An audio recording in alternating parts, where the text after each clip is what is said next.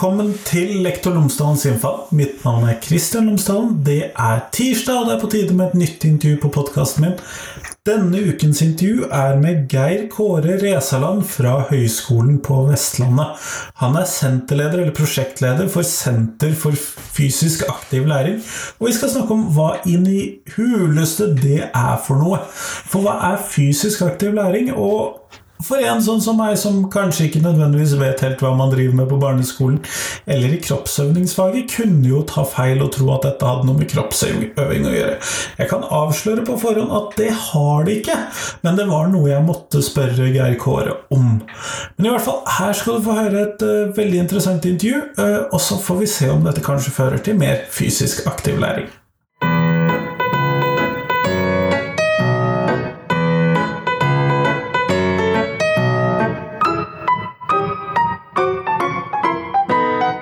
Geir Kåre Resaland, tusen takk for at du har tatt deg tid til meg i dag. Hyggelig. Før vi starter selve intervjuet, så hadde jeg håpet at du kunne fortelle lytterne mine tre ting om deg selv, sånn at de kan bli litt bedre kjent med deg. Ja, jeg er 48 år. Eh, født og oppvoksen i Sogndal, i Sogn og Fjordane. Der bor jeg nå. Jobber på eh, Høgskolen på Vestlandet, på Campus Sogndal. Har utdanningen min ifra eh, det som da før var, høgsko, var Høgskolen i Sogn og Fjordane, som nå er HVL. Men òg bachelor, master og doktorgrad fra Norges idrettshøgskole i Oslo. Interessene mine det er eh, fysisk aktivitet, trener, eh, være trener. Trener mange barn i håndball og fotball og spiller sjøl fotball. Og ja, prøver å leve et aktivt liv. Kjempeflott. og det, jo, kanskje, det, det, danner jo kanskje en hel ramme rundt hva du driver med også på jobb, fordi at du driver Senter for fysisk aktiv læring. Og Da lurer jeg på, hva er det? Det er et senter som nå jobber i lag med mange skoler i Norge om å videreutvikle fysisk aktiv læring, som vi da av og til forkorter til FAL, som en kvalitetssikra undervisningsmetode i teoretiske fag. Så det vil si at læreren han bruker Eh, aktive læringsformer, f.eks. at en del av matematikkundervisningen foregår ute på skoleplassen. Som en, som en del av det pedagogiske helhetlige opplegget til læreren, som læreren planlegger. Eh, og er med å nå kompetanse- og læringsmål. Men det er da ikke gym her? Nei, dette her er noe som foregår i de teoretiske fagene. Og jeg tenker at kroppsøving det er et kjempeviktig fag, og det er vel Norges tredje største hvis du ser på antall timer. Så jeg er stor tilhenger av, av faget kroppsøving, men akkurat senteret vårt, vi jobber da med læreren som underviser i teoretiske fag. Men eh, hvorfor skal man drive med fysisk aktiv læring i de teoretiske fagene? Hva er poenget med det? Altså Det er mange poeng og det er mange argumentasjoner vi kan, eh, kan gjøre. Men når jeg reiser rundt nå og snakker med veldig mange lærere, så pleier jeg å stille ett spørsmål. og det er Setter elevene for mye ro i dag? Og svaret er at eh, ja, elevene setter for mye ro. Jeg har ikke møtt én lærer som sier nei, de må sitte enda mer på stolen bak pulten. Vi trenger mer sånn stillesitting. Ja, det, det, er ingen som, som går rundt med, med paroler 'ja til mer stillesitting for barn'. Så, så, jeg tenker at vi må gjennom mer aktiv og mer praktisk og mer verdert undervisning um, prøve å øke barns bevegelse i skolen. Men vi ser òg at det, det kan ikke være en sånn fritthengende satellitt. Det kan ikke være sånn at nå skal elevene ut. Eh, det, må være læreren som planlegger og setter inn i en sammenheng. det er ikke frileken dere jobber for, liksom? Nei, men det er jo selvsagt skikkelig viktig. Men vi har tre, tre sånne fundament som vi, som vi, bygger alt vårt arbeid sammen med læreren. Og det er at Den aktiviteten vi gjør, den skal øke motivasjon og trivsel og relasjoner. Så når jeg, når jeg, snakker med læreren, så sier jeg da ja, nå har de hatt et opplegg ute i ja, la oss si norsk fjerdeklasse, KJ-lyder. Øker, eh, øker motivasjonen til elevene for å lære å være på skolen? Øker trivselen? Skjer noe med relasjonene? Vi får veldig mange positive tilbakemeldinger fra lærere. Men når dere da skal være, um, utarbeider dere nye opplegg, eller hvordan er det dere da jobber på senteret? Vi, vi har uh, en sånn strategi som kommer fra Sogn og Fjordane, og Knut Roald og Øyvind Glossvik og Rasmus Stokke og mange av de som har jobba med skolene i mange tiår. Og Det er det vi kaller skolebasert kompetanseutvikling i likeverdig partnerskap med skolene. Og um, Det som er vår hovedvirksomhet, det er at vi har en masterutdanning. og Den er 15 studiepoeng. Uh, en videreutdanning som da uh, lærere tar. Og, um, og jeg tror at hvis, hvis du spør lærerne hva de egentlig trenger mest, så sier de kompetanse. For Veldig mange lærere de syns det er spennende med aktive læringsformer, men de hadde det lite som barn sjøl. De hadde lite om det i, i lærerutdanningen sin. Og det det er lite på mange skoler, så de er ikke trygge. Så sammen med lærerne så jobber vi med å utvikle kompetanse. Ja, for det er jo nettopp den tryggheten som ofte Mm. mangler for å kunne gjøre ting, enten vi driver med seksualitetsundervisning eller vi skal ut og jobbe med matematikk eller norsk ute. Ja, og jeg tenker jo at eh, som, som far til to barn og som skoleforsker i 15 år og etter å bli kjent med mange rektorer og lærere, så tenker jeg at eh, klasseledelse det er det må være noe av det aller viktigste. Men klasseledelse inne i et klasserom det er én ting. Klasseledelse ute en januardag når, når det snør litt og det er kanskje minus ti og det er glatt, og du har 25 elever som springer rundt og skal ha en annen form for norsk eller matte eller engelsk eller et annet fag, det er noe helt annet. Og det krever, det krever kompetanse.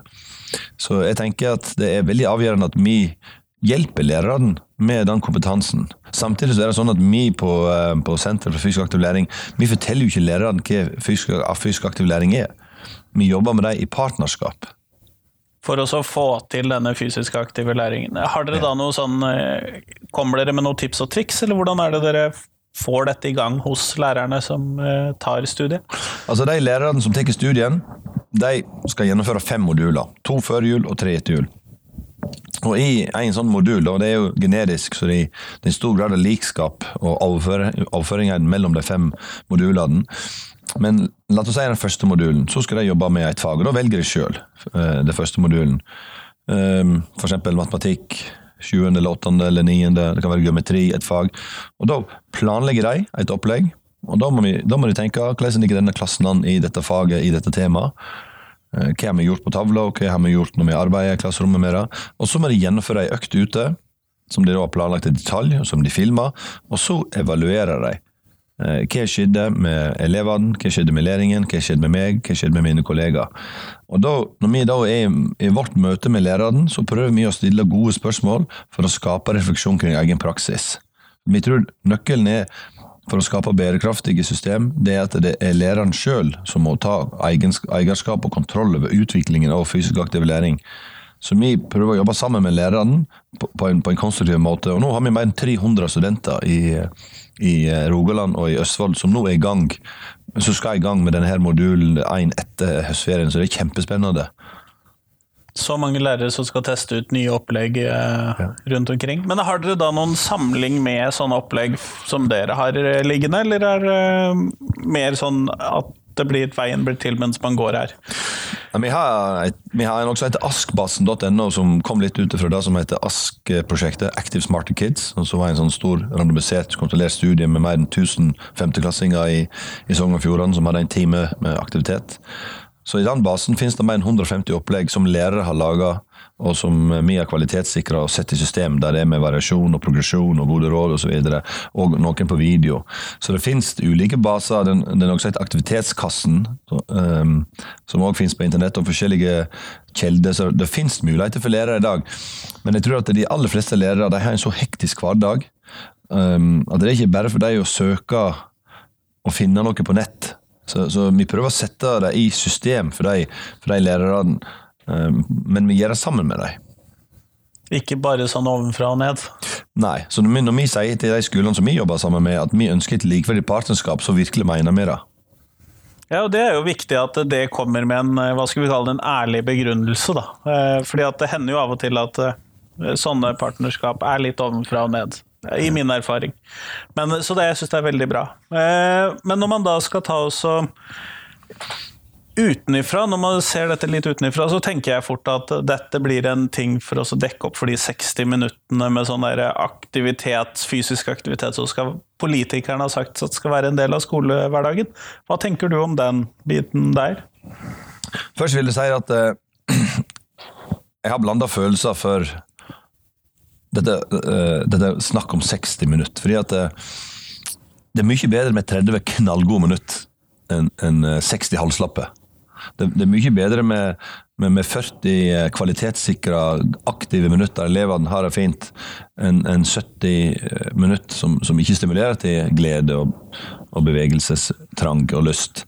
Så jeg, jeg skjønner veldig godt at noen vil ha mer eh, fysisk aktivitet inn i skolen, og det finnes veldig mange gode helseargument.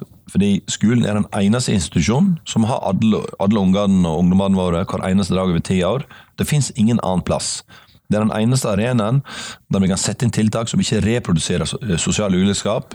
Um, Det er den eneste plassen vi kan sette inn tiltak som ikke øker polariseringen i, folkehelsa.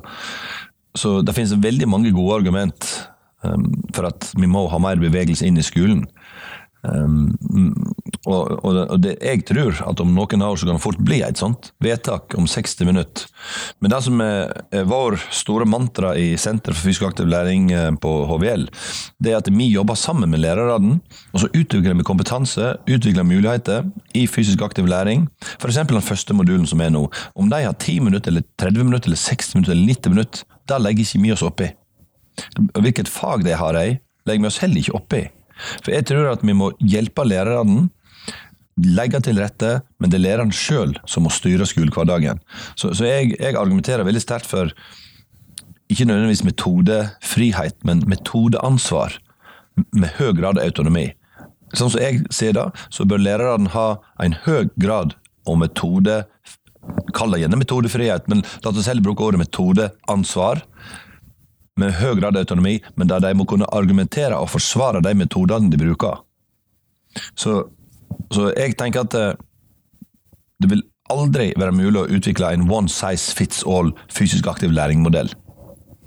Fordi hvert eneste klasserom, hver eneste klasse, hver eneste lærer, hver eneste, ut, hver eneste uteområde, hver eneste rektor er forskjellige. Og det sier vi jo, vet du. Når jeg reiser rundt på skoler nå i Norge, så sier vi at det som fungerer i fjerde klasse på én skole ett år, fungerer ikke like godt neste år på fjerde klasse. På den samme skolen. På den samme skolen. Med, med, med de samme eh, sk- med skoleområder og så videre. Så det vi tenker, det er nå jobber vi sammen med lærerne og utvikler konseptet. Og så sier vi til lærerne her har du økt verktøykasse. Øh, bestem sjøl og bruk det, og så spiller vi på, på lag sammen. Og det syns jeg høres veldig bra ut. Og jeg, eh, jeg har en del barn. og en av disse, hun eh, er av den typen som eh, vi satte henne i Montessori-skole de første årene, rett og slett for at hun skulle slippe å sitte på en pult. Hun skulle slippe å måtte forholde seg til en pult, det var årsaken til det. Nå er hun inne i en offentlig skole, da. Det er hun nå. Men eh, sant, når jeg hører dette, så tenker jeg jo at en mer fysisk aktiv læringshverdag ville være veldig positiv for sånne som henne.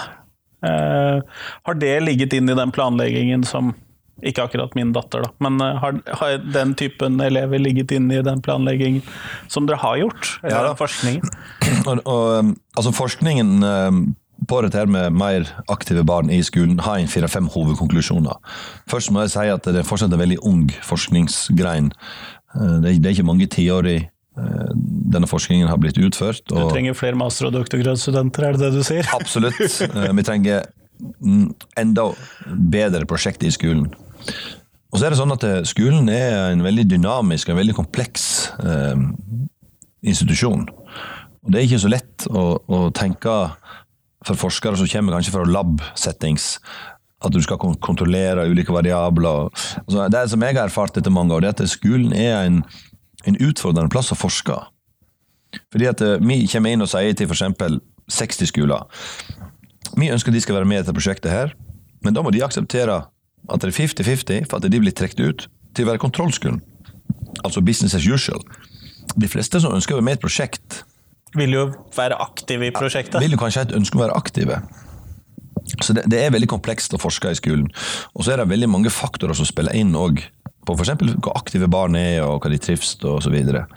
Så det er komplekst. Men hovedkonklusjonene så langt fra litteraturen internasjonalt, det er at det, det, det ser ikke ut for, for noen barn at det blir svakere på skolen hvis du øker aktiviteten. Så Det er jo fantastiske nyheter. Det ser ikke ut være noen særlig bieffekt. Og Det andre er at det er ett fag nå som skiller seg kraftig ut, og det er matematikk. Hvorfor det? Det, er, det er spørsmålet stiller mange lærere når de er rundt og reiser. Hva, hva er det som gjør at eh, matematikk er akkurat det faget der forskningen slår igjennom?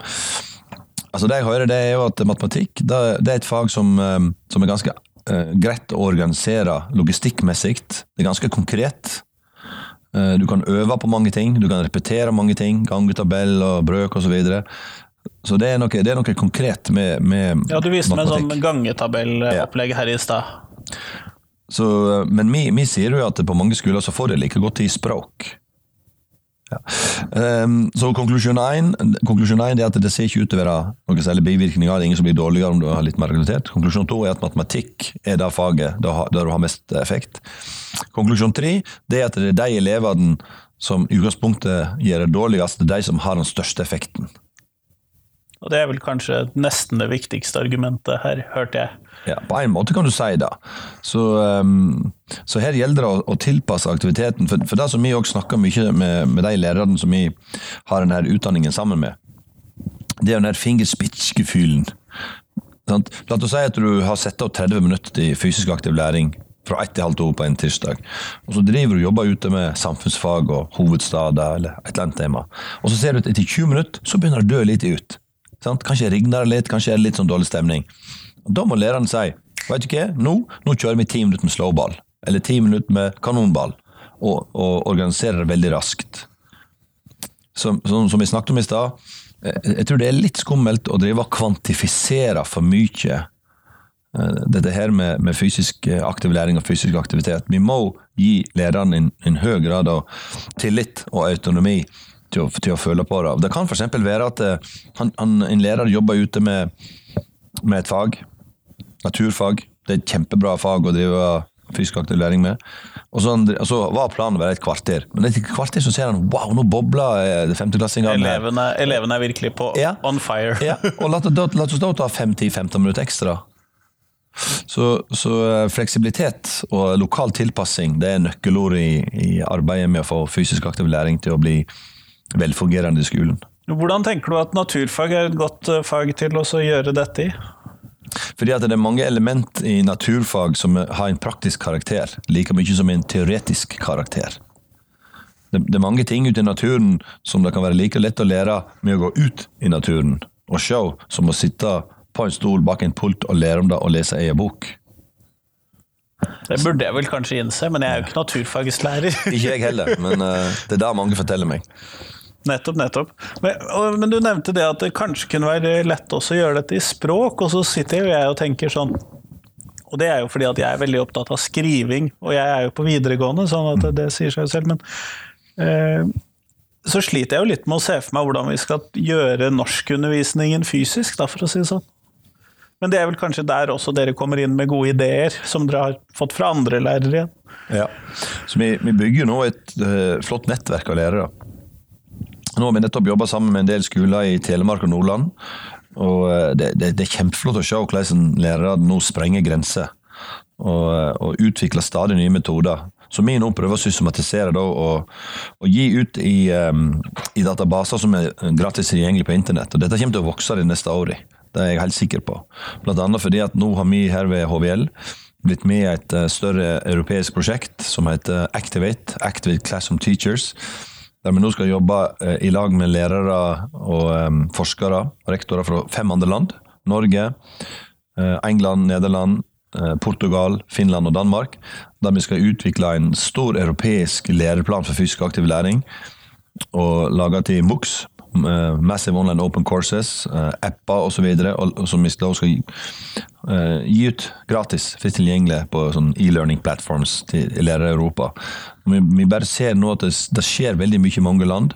og dette her er Altså Behovet for å skape en skolehverdag som er mer motiverende, med en høyere grad av trivsel, som er mer praktisk og som er mer variert, det er, det er ganske Felles ting. Ja. ja. For, for eh, vi må ta på alvor at det er mer og mer signal nå om at mange elever er umotivert. Og ikke trives spesielt godt på skolen. Men når vi da skal eh, Hvis vi da, hvis jeg da hadde jobbet på en skole som eh, skulle teste ut dette, hva er det du tenker er de viktigste faktorene for at dette skal lykkes på de skolene som prøver å få dette her i gang? Det viktigste det er å begynne i det små. Ikke være for ambisiøs i begynnelsen. Bare begynn i det små, få det til å fungere godt på noen trinn. Ti minutter her og Ja. Og, og en, en fin måte det er jo at du kan, du kan ta et fag, um, la oss si matematikk, Eh, Du kan gå inn på Ask-basen, du kan gå inn på, på andre baser. Du kan, hvis du søker på Fiscal Active Learning Mathematics, så finner du mange ting. Vi, har, vi driver jo egen Facebook-side, som en lærer som heter Tom Wergeland har, har nå eh, laget tid på Facebook. Det er vel en, ja, en plass mellom 3000 og 4000 lærere som deler mye opplegg. Der òg finner du mange opplegg. Og så prøver du litt, og så ser du litt. For det, det som vi tenker er helt avgjørende, det er at det må være læreren sjøl som, som planlegger og gjennomfører og, og, og ser helheten. For, fordi at Hvis dette skal bli skikkelig bra, så må det være en del av en pedagogisk helhet. Det kan ikke være en sånn fritthengende satellitt, selv om det òg vil ha mange helsemessige fordeler. Men det må være en del av det vanlige faglige opplegget. Som er for, som, som en del av læreren sitt virke for å nå kompetanse- og læringsmål. Nettopp. Men øh, hvordan, hva tenker du er ledelsens rolle oppi det hele, oppi dette? Altså Én ting er helt klinkende klart, i mitt hode iallfall. Og det er at hvis du skal få til bærekraftig eh, skolebasert kompetanseutvikling, om det er fysisk aktiv læring eller Noe som helst, noe som helst, så må rektor spille på lag. Altså Rektoren han, han må være en leder som er engasjert, som følger opp. Og De, de, de 25 rektorene som vi jobber nå med i Rogaland og Østfold, de setter av kompetansehevingstid til lærerne. Det sier vi er avgjørende. Så, så rektor er veldig avgjørende, men det kan ikke bare være rektor. Sant? Og alle de lærerne som vi jobber med nå, de har meldt seg på kurset. De ønsker å være med og utvikle dette her eh, med fysisk aktiv læring. Så, så det, det, det er ikke sånn at en rektor bare sier 'nå gjør vi sånn på vår skole', men, men at rektoren er med. Og det var jo en av hovedkonklusjonene i, i ungdomstrinnet utvikling, som Norge brukte vel ja, jeg vet ikke, totalt sett med alt, ca. 1,5 milliarder, 1,6 milliarder. Dette skal du få til skolebasert kompetanseutvikling over tid som er bærekraftig, så må rektor være med på laget. Så vi legge til rette for ja. dette og holde trykket oppe. Ja. Det er læreren som må utføre, men, men det er rektor som må legge til rette, fasilitere, sette av, sette av da kompetansehevingstid, um, og være positiv og, og byggende. Og det sier seg jo selv, og jeg tror de fleste av oss lærere i hvert fall har vært på skole hvor sånne utviklingsprosjekter har dødd litt hen når eh, rektor mistet interessen. Du vet at Prosjekt er litt skummelt, fordi mange lærere har kanskje erfart at prosjekt er en start og en stopp. Og når det er stopp, da kan du gå tilbake til det du gjorde før. Så vi driver ikke prosjekt, vi driver eh, kompetansebasert eh, utviklingsarbeid over tid. Men hvis noen da hører på dette podkastintervjuet og har lyst til å bli en skole som er med på å f.eks. ha en del lærere som tar dette masteremnet, eh, hvordan går man fram da? Det enkleste er jo bare å sende meg en e-post, geirkr.hvl.no. Um, Men nå er det sånn at vi har vært kjempeheldige. Gjensidigestiftelsen de har gått inn og sagt at vi ønsker å, å eh, finansiere et sånt senter, så de har vært ekstremt sjenerøse med oss. Så nå har vi tre eller fem år der vi skal jobbe med dette her. Og, og kommende skoleår, eller det skoleåret vi er nå inne i, der har vi allerede 300 lærere og 25 um, skoler. Og neste skoleår har jeg òg nå i ferd med å bli fullbooka, for å si det sånn.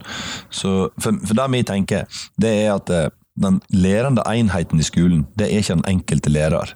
Det er det kollektive. Sant? Kollegabasert opplegg der du utvikler og lærer sammen. Det tror vi er en nøkkel for å skape eh, skolebasert kompetanseutvikling. Slik at eh, Når vi jobber i et område, f.eks. nå er det i Østfold og Rogaland, så sier vi at eh, det må være minst ti skoler med minst ti lærere per skole. Det må være minst 100 lærere i et område. For, for at én lærer reiser og tar ett etterutdanning eller videreutdanning i ett fag, som man bruker i sitt klasserom, det tenker jeg er helt ok for de elevene. Men vi må tenke litt større, tror jeg, hvis vi skal få til eh, bærekraftig kompetansehevingstiltak. Så, så hvis, noen, hvis noen i et område tenker at wow, dette er spennende, så eh, er det bare å ta kontakt. Og jeg, jeg snakker med kjempemange i Skole-Norge, og, og det er mange som er interessert. Og jeg kan vel si så mye så at uh, et område jeg tror vi nok kommer til å være om ett år fra nå, det er i Trøndelag og Trondheim kommune. Der er det en del interesse, med andre ord. Ja, Der er det stor interesse, og der har jeg nå allerede vært inn tre-fire ganger på besøk. Jeg var senest nå for eh, et par uker siden på Lilleby skole. Eh, En kjempeflott skole med en veldig sånn utviklingsorientert eh, rektor. Og hadde en halv dag med alle de ansatte, så nå jobber vi litt med deg som en slags pioner da i Trondheim. Så, så hvis dette er interessant, så må de bare ta kontakt. Men vi stiller òg litt krav. Um, vi stiller bl.a. krav om at rektor må være med. Uh, sette av kompetansehevingstid, slik at lærerne får tid til å jobbe med det. Og at, de, at, de, at det er mange lærere med. Men det er òg sånn at alle lærerne som er med nå, de har meldt seg på. Ja, Ja. fordi at de blir jo eh, Det er jo ofte mer enn ti lærere på en skole. Ja. For eh, jeg tenker at Hvis du skal drive med et utviklingsarbeid, og du skal lese eh, litteratur, og du skal skrive, så må du ha en, en, en indre motivasjon. Ja, for det kan ikke bare være noe som er dyttet på utenfra, det er jeg helt enig i. Er det helt enig. Det- Vi skal jo ha tid til dette i hverdagen, da. Men det vi ser, vet du, er at hvis du får dette til å fungere skikkelig godt, og elevene trives mye bedre, så kan det være at du sparer masse tid på ting som du bruker mye tid på i dag. Det er en tilbakemelding som vi får nå. At hvis dette her fungerer godt, og elevene er mer eh, aktive og trives mye bedre, så genererer det veldig mange positive effekter som gjør at de bruker mindre tid på ting de brukte mye tid på før. Så det er litt sånn komplisert dette. Ja, det tar litt mer tid, men du kan fort spare veldig mye tid hvis elevene får en høyere grad av trivsel, og, og, og det blir bedre relasjoner mellom elev, elev, elev, lærer, og, og de får en større motivasjon for å gå på skolen.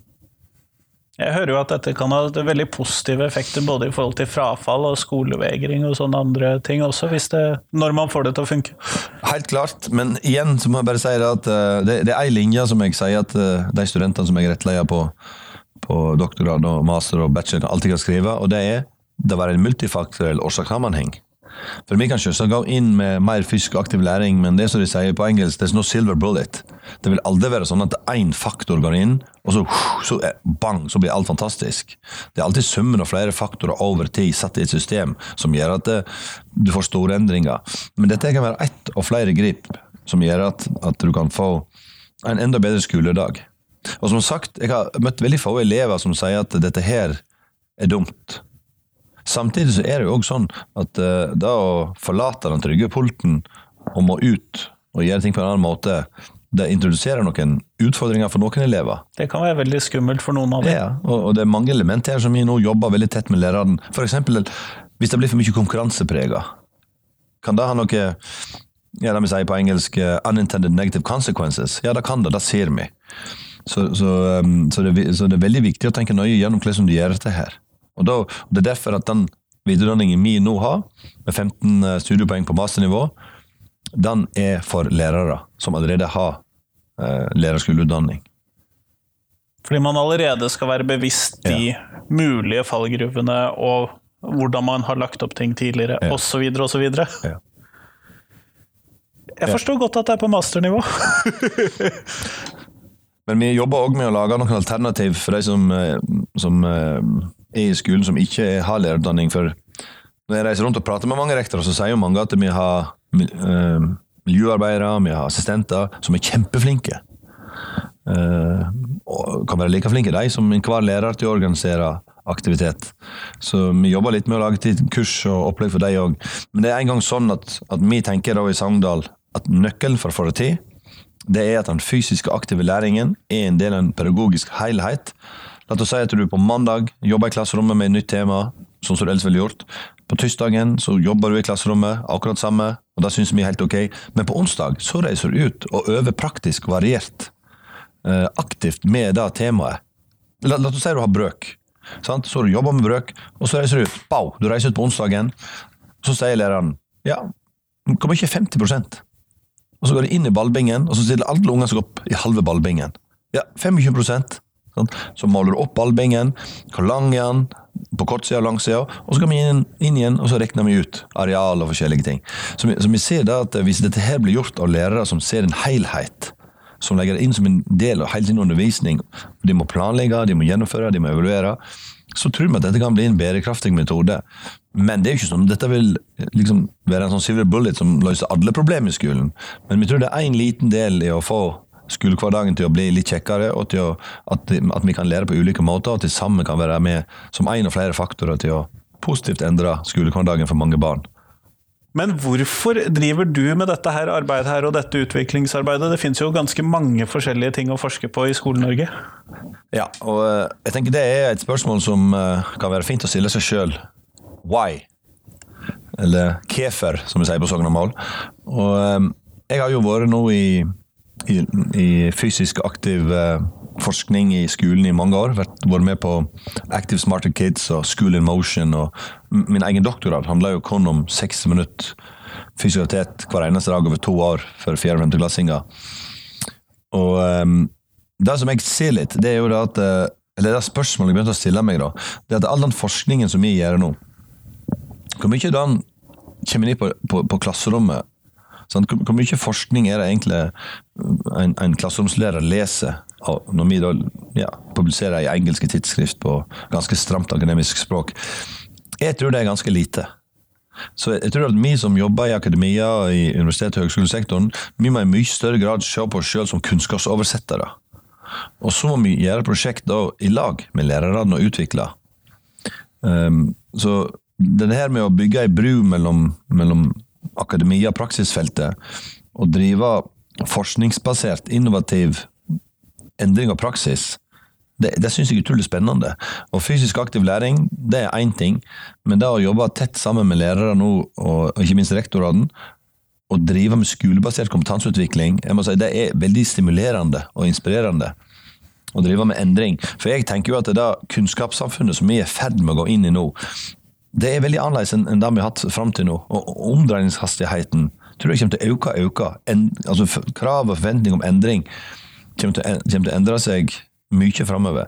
Så, um, så, jeg syns det er kjempespennende å jobbe sammen med, med lærere og rektorer og være med og, og drive med innovative utviklingsprosjekter i skolen. Det, det, det, er skikkelig inspirerende. Så bra. Vi går mot slutten av podkastintervjuet nå, og da har jeg et spørsmål til deg som jeg stiller til alle de som jeg snakker med på podkasten, og det er hvis du fikk bestemme, hva skal ut av norsk skole?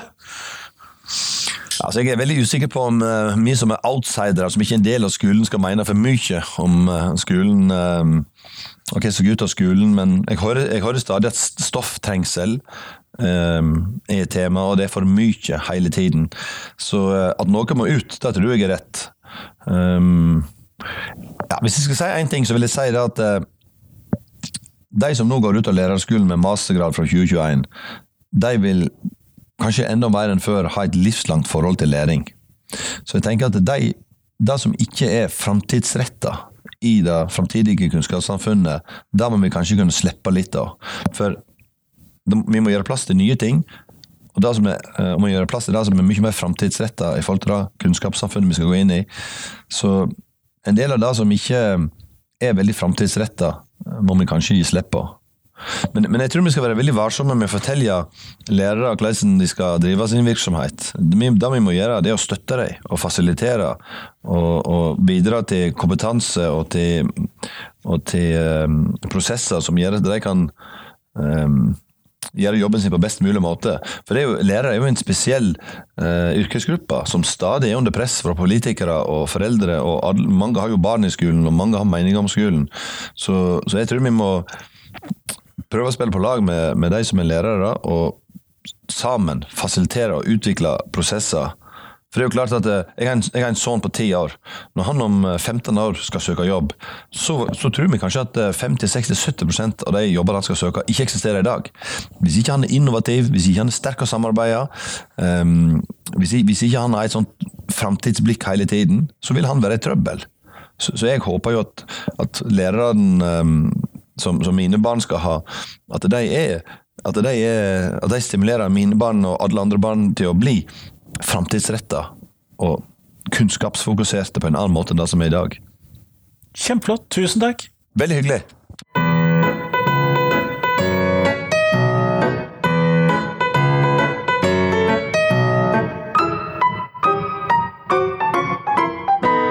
Tusen takk til Geir Kåre, og tusen takk til deg som hørte på. Nå er det en uke igjen til neste podkastintervju, og når du hører det, så har jeg forhåpentligvis allerede levert masteroppgaven min. Så det gleder jeg meg veldig til. Og om du lurer, så er det ikke min første master, for ellers hadde jeg jo ikke vært lektor før om beste fall en måned. Sånn at eh, Ikke vær urolig for det. Um, Fram til da så hadde jeg håpet at du kunne hjelpe meg å dele podkasten min med noen. De kan høre på podkasten i Spotify, iTunes, podcaster, eller stort sett alle steder som man vanligvis hører på podkast. Så del gjerne podkasten min med noen, så blir jeg veldig glad. Ønsk meg lykke til i neste uke. Ha en fin uke selv. Hei, hei.